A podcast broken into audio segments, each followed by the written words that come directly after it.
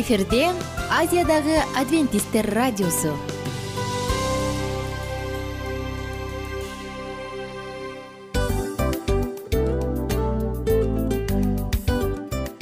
Салам достор.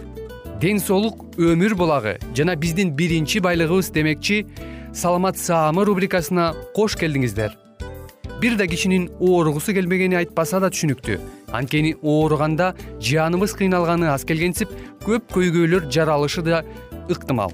Андан тышкары жумушка же мектепке бара албай же үй бүлөбүзгө кам көрө албай калабыз. Ал эле эмес башка бирөөнүн бизге кам көрүшүнө муктаж болуп калышыбыз ыктымал. Ошон үчүн дарыланууга караганда алдын алуу жакшы эмеспи. Биздин рубрикада биз ар кандай фактылар менен маалыматтар менен кеңештер менен бөлүшүп чын жүрөктөн сиздердин ден соолугуңуздарды каалайбыз. Ошон үчүн биздин рубрикага кош келдиңиздер. Жана даярданып туруңуздар анткени кийинки мүнөттөрдө кызыктуу фактыларга ээ болосуздар. Ошон үчүн достор эң биринчи байлыгыбызды колубузга алдык да алдыга жөнөдүк. Биз менен болуңуздар саламат саама ден соолуктун жарчысы. Саламат саама ден соолуктун ачкычы. Күн сайын сиз үчүн мыкты кеңештер сонун жаңылыктар кызыктуу фактылар. Биздин рубрикада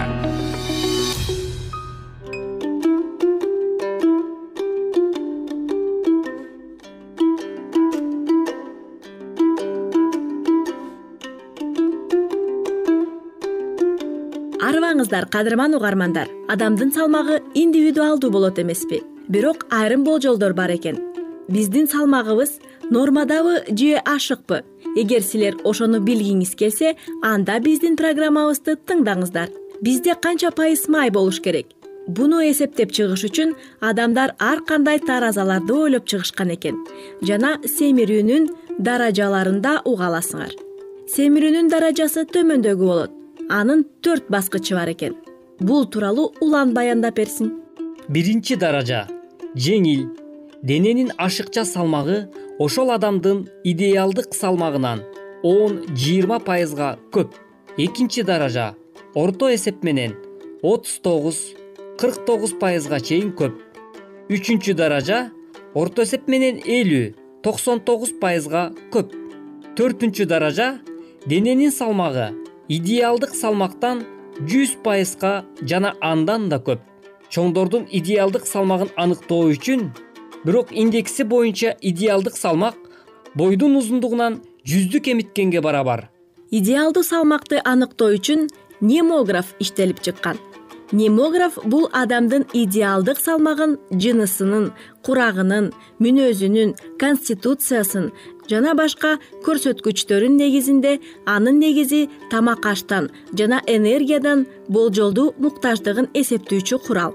Семирүүнүн деңгээлин тери астындагы май быржыктары төштүн ай балкасы аймагында даана байкалат. Нормада бирден бир жарым сантиметрге чейин туура келет. Эгерде быржыктардын жуондугу эки сантиметрден ашса анда чара көрүш керек деп ойлонууга болот семирүүнүн жогорку даражаларынын быржыктары жуондугу бештен сегиз сантиметрден ашат. Нормада белдин тегереги эркектерде токсон сегиз сантиметрден аялдарда сексен сантиметрден ашпаш керек. Эгерде эркектердин бели жүз эки сантиметрге же аялдардыкы сексен сегиз сантиметрге жетсе оору пайда болуу коркунучу күчөйт. Жана дененин салмагын төмөндөтүү кеңешин берүү керек. Буларда деми кыстыгуу жүрөк аймагындагы ооруксунуу салмак кошуу тез чарчап калуу баш ооруу табиттин көтөрүлүүсү ич катуу деген көп көйгөйлөр пайда болот. Экзогендик конституционалдык семирүүдө май көбүнчө денеде тегиз бөлүштүрүлөт. Бирок көпчүлүк учурда аны ар башка аймактарда диспропорционалдуу болушу байкалат майдын таралышы үч түрү бар. Жогорку ортоңку ылдыйкы. Семирүүнүн жогорку түрүндө майлар негизинен бетте көкүрөк көөдөндүн аймагында жана ичтин үстүкү бөлүгүндө жайгашкан. Семирүүнүн ортоңку түрүндө майлар көбүнчө ич жамбаш аймагында. Семирүүнүн ылдыйкы түрүндө болсо жамбаш жана буттарда санда шыйрактарда топтолот идеалдык салмакты эсептеп чыгуу үчүн башка ыкмалары барбы? Идеалдык салмакты аныктоо дары бир болжолдуу ыкма бар. Ал америкалыктар үчүн абдан жөнөкөй. Бирок аны метрикалык системага салганда жөнөкөйлүгү жоголот. Ошентсе да каалагандар үчүн ал ыкманы келтире кетели. Эркектер үчүн бойдун бийиктиги жүз элүү сантиметр болсо салмагы болжол менен кырк беш килограммды түзөт андан кийин ар бир кошумча эки жарым сантиметр бойго эки килограммдан ашык кошуңуз. Ошентип бою жүз жетимиш сегиз сантиметр эркектин идеалдык салмагы болжол менен жетимиш эки килограмм болот. Аялдар үчүн да ошондой эле. Жүз элүү эки сантиметр бойго кырк беш килограмм салмак берилет. Бирок ар бир кошумча эки жарым сантиметр бойго эки килограммдай кошулат мисалы бою алтымыш беш сантиметр болсо идеалдык салмак элүү алты килограмм болот. Ал эми сөөгү чоң аял эркектер үчүн беш пайыздан кошулаары керек. Айрым спортсмендер бул сандарга коошпой калышмак. Абдан туура. Ошондуктан эскертүүнүн жогорудагы көрсөтүлгөн ыкмалары болжолдуу гана болуп эсептелет. Мисалы футбол командасынын оюнчуларынын булчуңдары жөнөкөй адамдардыкына караганда чоң да чың да болот. Ошол эле учурда май ткандары абдан аз болот. Адамдын майлуулугун текшерген бир нече ыкмалар бар. Алардын бири гидростатикалык ыкма суунун астындагы тараза. Май жеңил келет да суу астында аз салмак берет. Салмактагы айырманы пайдалануу менен адистер адамдын денесинин канча проценти канча проценти май ткандарынан тураарын эсептешет футбол командасынын бир оюнчусунун салмагы чектен ашык болчу. Бирок салмагын таптакыр түшүрө албай коет. Акыры аны суу астындагы таразага тартышканда анын организминдеги май болгону беш пайыз болуп чыкты. Биздин денебизде бар болгону мырзаларда ондон он беш пайызга чейи ал эми айымдарда он беш пайыздан жыйырма пайызга чейи май болушу керек. Адам суу алдында кайдан таразага түшүшү мүмкүн бул атайын мекемелерде эле болбосо. Өтө ыңгайсыз жана татаал метод кыйла жөнөкөй жана ыңгайлуу жол бул шипка деп аталган тест эсептелинет. Аны менен денени ар кайсы жеринен эки манжа менен кабаттай кармалган катмары ченелет. Андан соң атайын таблицанын жардамы менен адамдын май ткандын процентин өлчөмүн кыйла так эсептеп чыгышат шипканын жөнөкөйлөштүрүлгөн тестин өз алдыңарча текшерсеңиз болот. Ал үчүн сол капталыңыздагы акыркы кабырганын төмөн жагынан териңизди каттай кармаңыз да анын алдындагы булчуңдан бөлө чоюңуз. Ал жерди бармак жана сөөмөй менен кыса кармаңыз. Эгер экөөнүн ортосундагы катмардын калыңдыгы эки сантиметрден ашык болсо анда сиздин тынчсызданууңузга негиз бар дүйнөдө ашык салмактуулук деген көйгөй күчөдү мисалга ар бир экинчи америкалык орто курактагы киши ашык салмактуу ар кандай илимий негизде деталдардын жыйырма жылдан бери өркүндөп келатканына карабай орточо америкалык эки килограммдан беш килограммга чейи оор болуп калды. Аны менен бирге көптөгөн көйгөйлөр пайда болду. Мисалга отургучтарды жасап чыгаруучулардын бири мурунку стандарт болгон отургучтарды беш сантиметрге кеңейтүүгө туура келди. Бирок бул муктаждык бир гана америкалыктарда эмес. Мисалга айтканда россиянын түштүгүндө абдан белгилүү театрлардын бири ремонттолгондон кийин көрүүчүлөр ага аз каттап калышты. Эмнеге? Актерлор начар ойноп калыштыбы? Жок партердеги кызыл баркут менен капталган орундуктар театр сүйүүчү сулуулар үчүн өтө эле тардык кылып калыптыр. Балким театр көрүш үчүн бизге арыктоого жакшы стимул болуп берет. Биздин берүүлөрүбүздү уккандан соң туура чечимдерди кабыл аласыңар деген ишенимибиз чоң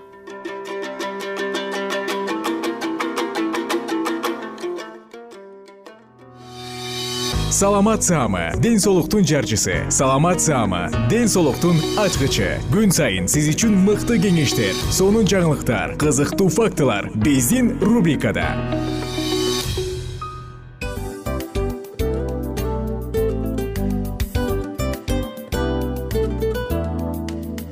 Салам достор. Ачуу душман акыл дос. Акылыңа акыл кош демекчи биздин дил маек рубрикасына кош келиңиздер. Дил маек программасында ар кандай темаларды козгойбуз? Балдарды өстүрүү аларды тарбиялоо кантип балдарды бактылуу кыла алабыз? Жана кыз жигит ортосундагы мамилелер кыз жигит ортосуна кантип нукура таза сүйүүгө жетсе болот? Бактылуу үй бүлө куруунун кеңештери ар кандай сырлары жеке өсүү жана ар кандай кызыктуу чыгармачыл программаларга арналган рубрикабызга кош келиңиздер. Эмне үчүн дил маек? Анткени дил маек эки адамдын баарлашуусу сырдашуусу. Сизди да биз менен сырдашууга чакырабыз. Анда эмесе кийинки он мүнөттүк убакытта сиздер менен чын жүрөктөн сырдашып баарлашабыз. Даяр болсоңуздар анда кеттик ар түрдүү ардактуу кесип ээлеринен алтын сөздөр жүрөк ачышкан сыр чачышкан сонун маек дил маек рубрикасында.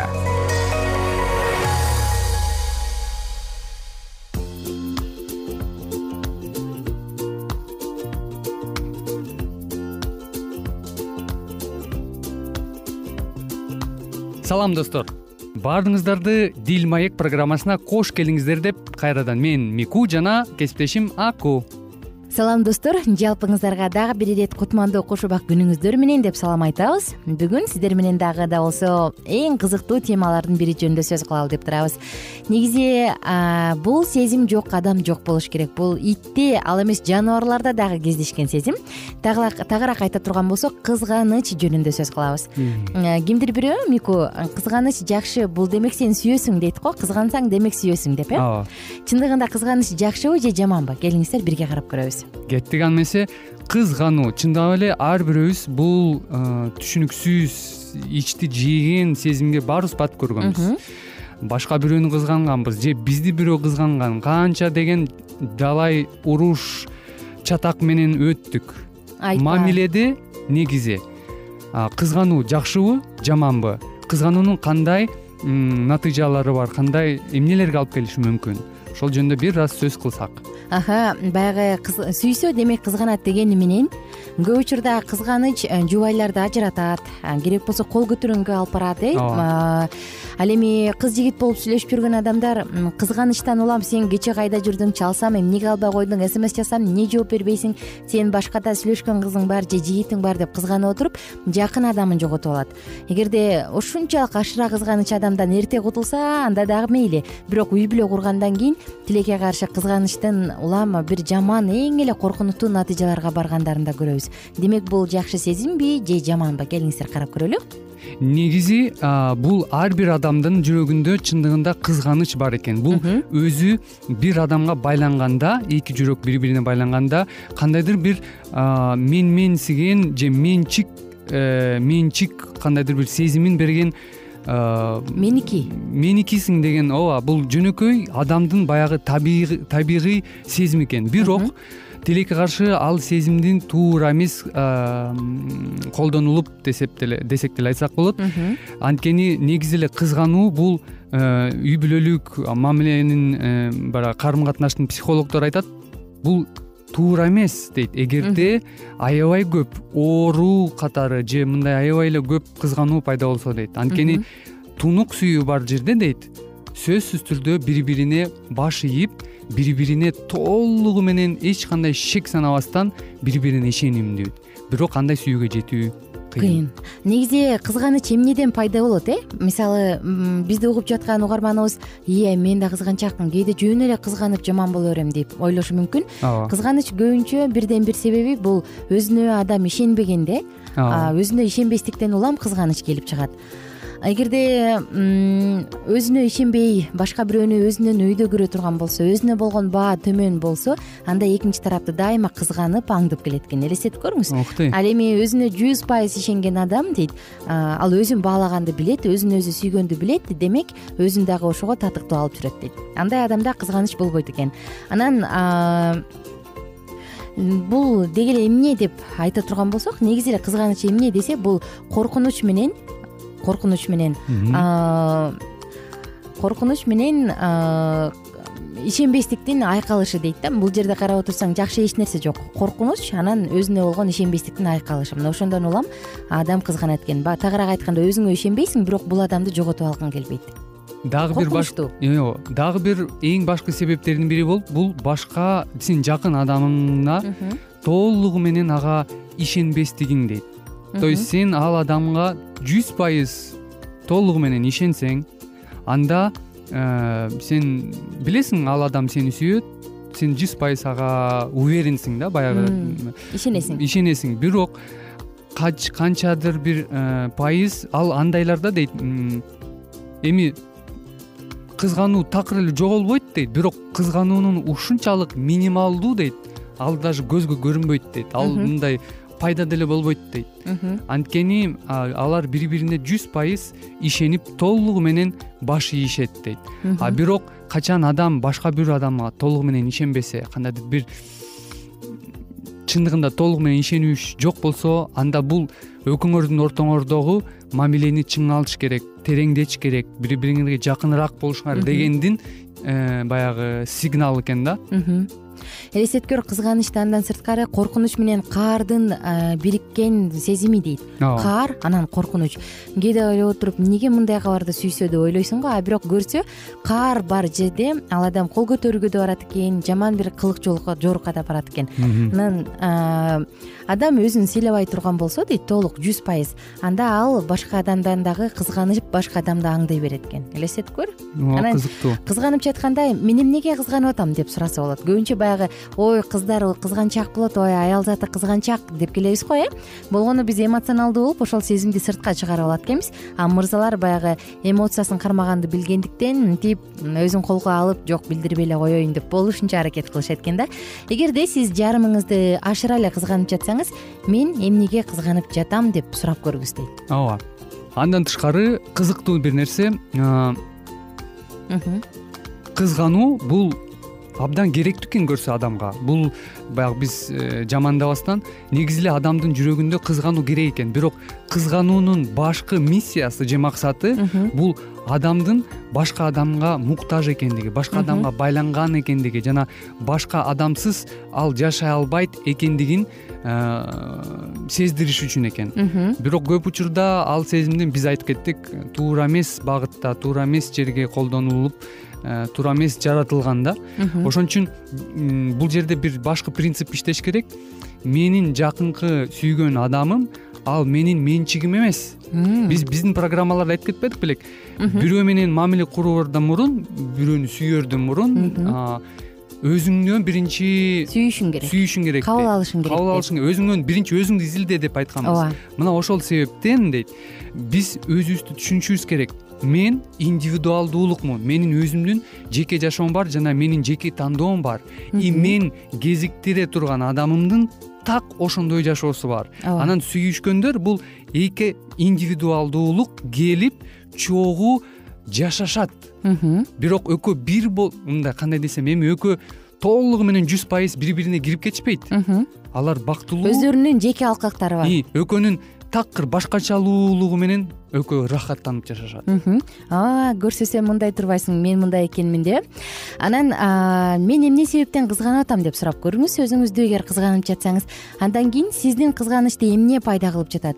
Мындай бул сезим жөндөн жөн эле келе бербейт да мисалы туруп туруп эле кызганып бушайман боло бербейсиң туруп туруп эле бирөөнү бир жаман ойлой бербейсиң бул сезим эмнеден улам келип чыгып атат өзүңүздү өзүңүздүн кызганычыңызды провокация кылып аткан нерсени байкап көрүңүз.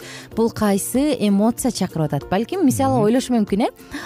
Баары тең менин акчамды тартып алгысы келип атат же болбосо баары ушу менин сонун тамагымды жеп алгысы келип атат деп кичинекей балдар же болбосо мындай өспүрүмдөр кызгана турган болсо чоң адамдар эгер бул адам менден кетип калса мен өлүп калам деп э. Же болбосо бул адам кетсе мен бактысыз болом. Бул адамсыз мен жашай албайм деп өзүн бир калп эле ишенимдирип алат экен да бир нерселергечи. А чын чынына келгенде жана сен жогоруда айта кеткендей ар бир адам индивидуалдуу. Анан менчиктештирип алып туруп эмнеге сен ал жака бардың? Эмнеге сен курбулаңдыкына бардың? деп э мырзалар. Эмнеге сен кечке аны карадың? Дей турган болсок ал адамдын өзүнүн табити ал адамдын сүйлөшө турган чөйрөсү бар экенин унутуп калат экенбиз достор. Сөзсүз түрдө анын өздөрүнүн достору бар өздөрүнүн хоббилери бар кызыккан нерселери бар. Мисалы биз эркек эмне үчүн кечки маал түн ичинде келдиң десе биз кээ бирөөлөр билет. Ал футбол болду бүгүн. Футболду көрдү достору менен аны биз билебиз. Кызы мисалы үчүн эмнеге кечинде кафеге чыкты? Анткени анын өзүнүн курбу достору бар алар менен то есть ар бир адам өзүнүн жеке жашоосу бар. И сүйүүдө бири биринин жеке жашоосун урматтоо биринчи орунга чыгат. Бири биринин жеке тандоосун. Анткени нукура сүйүү бул жеке эркин тандоо. Туура айта кеттиң.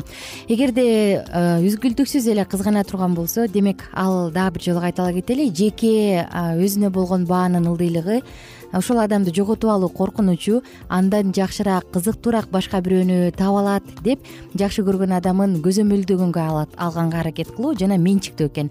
Бул сезимдер бар боло турган болсо анда өзүбүздүн мамилебизди бекемдеш үчүн келиңиздер. Бул кызганыч сезимин ооздуктайлы сиздер менен кийинки уктуруудан амандашканча сак саламатта калыңыздар. Аку жана мику кызматта болдук ар түрдүү ардактуу кесип ээлеринен алтын сөздөр жүрөк ачышкан сыр чачышкан сонун маек дил маек рубрикасында.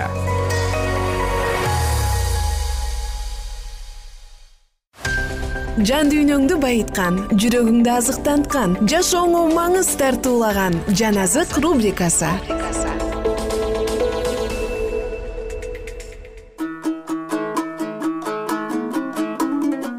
салам достор сиздер менен улуу күрөш китебин улантабыз. Насаат айтыш үчүн эң эле жакшы кафедра бул адам өрттөө үчүн байлап тургузулган устундар болуп калды.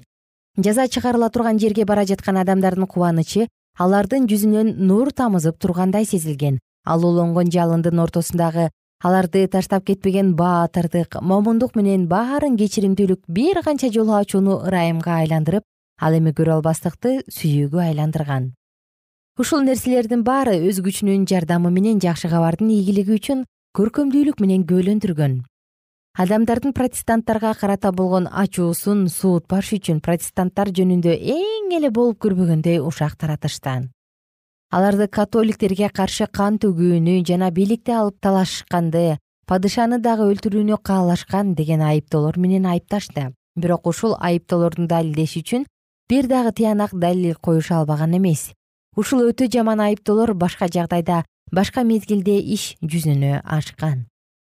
Католиктердин айыпсыз протестанттарга жасаган катаал мамилелери өз баштарына келди. Бир нече кылым өткөндөн кийин францияда алар өздөрү алдын ала айткан эл толкуну болот.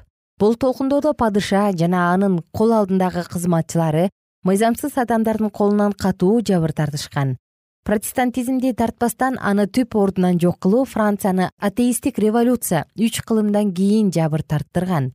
Коомчулуктун баарын ал кандай гана чөйрө болбосун ишенбестик жана коркунуч күнөөм саналуулор курчап алды. Жалпы коомчулуктун тынчсыздануусунан кийин лютерандардын окутуусу адамдардын аң сезимдеринен алда канча түп тамырынан бери жок болуп келаткандыгы байкалган. Бир кезде бул окутуу алардын билим алууларында жана маданиятында түркүк сыяктуу сезилип турган. Жана мамлекетке өзүнүн жакшы таасирин жана жакшы мүнөздөрүн калтырган болчу. Эң эле маанилүү жана жоопкерчиликтүү орундар бир мезгилде бош калтырылып калды. Шаардан кол өнөрчүлөр китеп бастыруучулар окумуштуулар жана университеттин профессорлору жазуучулар жада калса ак сарайда кызмат кылгандар дагы жок болду. Жүздөгөн адамдар парижде калтырышып өз эрки менен өздөрүн куугунтукташкан. Ошону менен алар өздөрүнүн протестанттарды жактоочу экендигин көргөзүшкөн. Болуп жаткан кырдаалды папанын жактоочулары таң калуу менен карап турду. Алардын айланасында ушунчалык көп билинбеген жалгандыкты таратуучулар бар экендигин алар билишкен эмес. Жана ан сайын алар өз бийлигинин алдындагы адамдарга өз каарларын төгүп турушту. Түрмөлөр толуп калган ал эми аба болсо жакшы кабарды күбөлөндүрүшкөн адамдарды өлтүрүш үчүн күйүп жаткан өрттөн түтүнгө толду франциск бир он алтынчы кылымдын башталышындагы салтанаттык менен белгиленген илимдин өнүгүшүнүн башчысы болуп калгандыгына өзүн өзү көтөрүп барктанган. Ал дүйнөнүн баардык тарабынан окумуштууларды өзүнө жанталашуу менен чакыра баштады.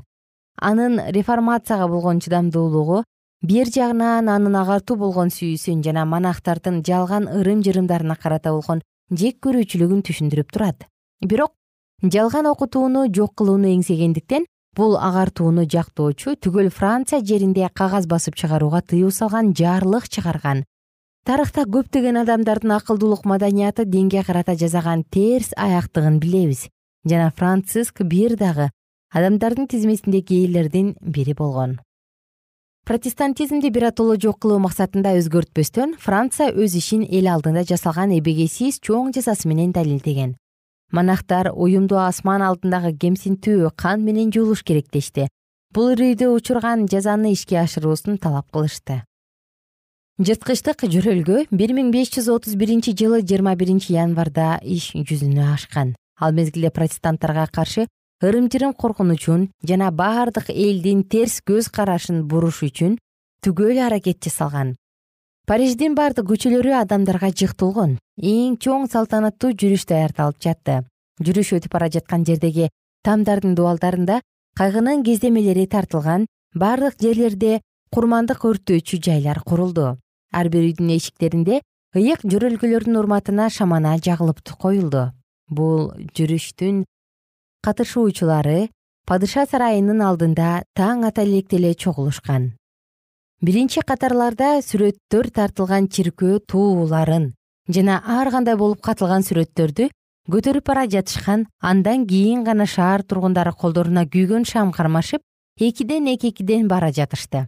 Алардын артынан төрт монахтардын уюму өз кийген кийимдери менен ээрчип жөнөштү. Алардын артында өлгөн касиеттүү деп эсептелген адамдардын кургак калган денесин көтөрүп алардын баарын өздөрүнө баалуу таштар менен жасалгаланган кызгылтым кийимдери менен менменсинген кардиналдар курчап биригип турушкан. Бул жүрүштү париждин епископу башкарган жана төрт көрүнүктүү төрө төрт бурчунан анын үстүн жаап турган кымбат баалуу чатырды көтөрүп бара жатышты. Бул жүрүштүн аягында падыша бара жакты. Бул күнүнү анын башында таажысы дагы үстүндө жасалгалуу кийими да жок эле.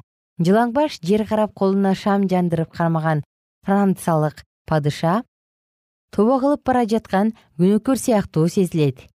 Ар бир курмандык өрттөөчү жайдын алдында ал тизелеп кечирим сурап жатты. Бул сураган кечирим өзүнүн кылган жамандыгы үчүн жана аны кыйналып жаткандан эмес анын колун кызарткан айыпсыздардын каны үчүн кейгендиктен дагы эмес. Жок ал өз кол алдындагы адамдардын чиркөөгө сөз тийгизгендиги үчүн бул коркунучтуу күнөөлөрү үчүн аларга өтүнүп сыйынып жаткан аны дагы колдоруна шам жагып көтөрүшкөн падыша айым жана ак сарайдагы даражалуу адамдар эки экиден катар басышып узатып бара жатышты. Ошол күнү падыша жогорку төрөлөргө епископтун имаратындагы чоң залда сөз менен кайрылды. Ал төрөлөрдүн алдына өзүнүн кайгырган жүзү менен чыгып франция эли үчүн каргыш калып келген кылмыш кудайга сөз тийгизүү шылдың жана кайгы жөнүндө капаланып тургандыгын билдирген жана анын андан кийин ал өз кол астындагыларды франциянын тургундарын өлүмгө алып келе турган таасирден сактап калыш үчүн баардыгын биригүүгө жана бул жалган окутууну түп тамырынан жок кылууга чакырды.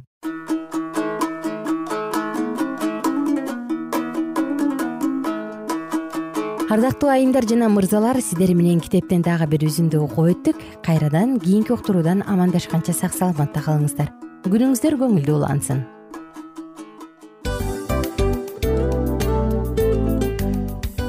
достор биздин радио баракчаларыбыз соңуна келди. Демек бул программабызды дагы жыйынтыктачу келдик. Учурга келдик. Анан кесиптешимден сурагым келип турат. Негизи эле иштин башталып атканы кубандырабы сени же жыйынтыгы кубандырабы? Албетте жыйынтыгы. Себеп дегенде сен кылган ишиңдин жыйынтыгын көрүп э, баягы мөмөсүн көрүп дегендей жыргайсың. Жүрөгүң жемишинен татып э кандай даамдуу деп. Баягы буудай сепкенде эмес буудайды эгинди жыйнагандан кийин ысык нанды жегенде кадимкидей ырахаттанасың го? Ой айтпа туура айта кеттиңиз. Сонун салыштыруу болду анан мен дагы абдан кубанып турам анткени биз угармандарыбыз үчүн аябай эмгектенип келген уктуруубуздун соңуна келип калдык. Анан эми э, уктуруубуздун соңунда угармандар кандай пайда алып калды экен деп күтүп турам да. Балким э, менин жашоомо өзгөрүү киргизе турган сонун сөздөр болду. Мен ушул нерсени изилдеп анан кабыл албасам ушул нерсени кылбасам деген чечим чыгарсаңыз анда биз абдан кубанычтабыз. Сөзсүз түрдө андыктан кийинки биздин кызыктуу уктурууларыбыздан көрүшкөнчө сак саламатта калыңыздар. Чыдамсыздык менен сиздерди мен милан жана кесиптешим айнура күтөбүз. Баардык угармандарыбызга ийгиликтүү күн каалайбыз. Качан гана болбосун уртуңуздан жылмаюу кетпесин үйүңүздө көмүр жүрөгүңүздө көңүл болсун дейли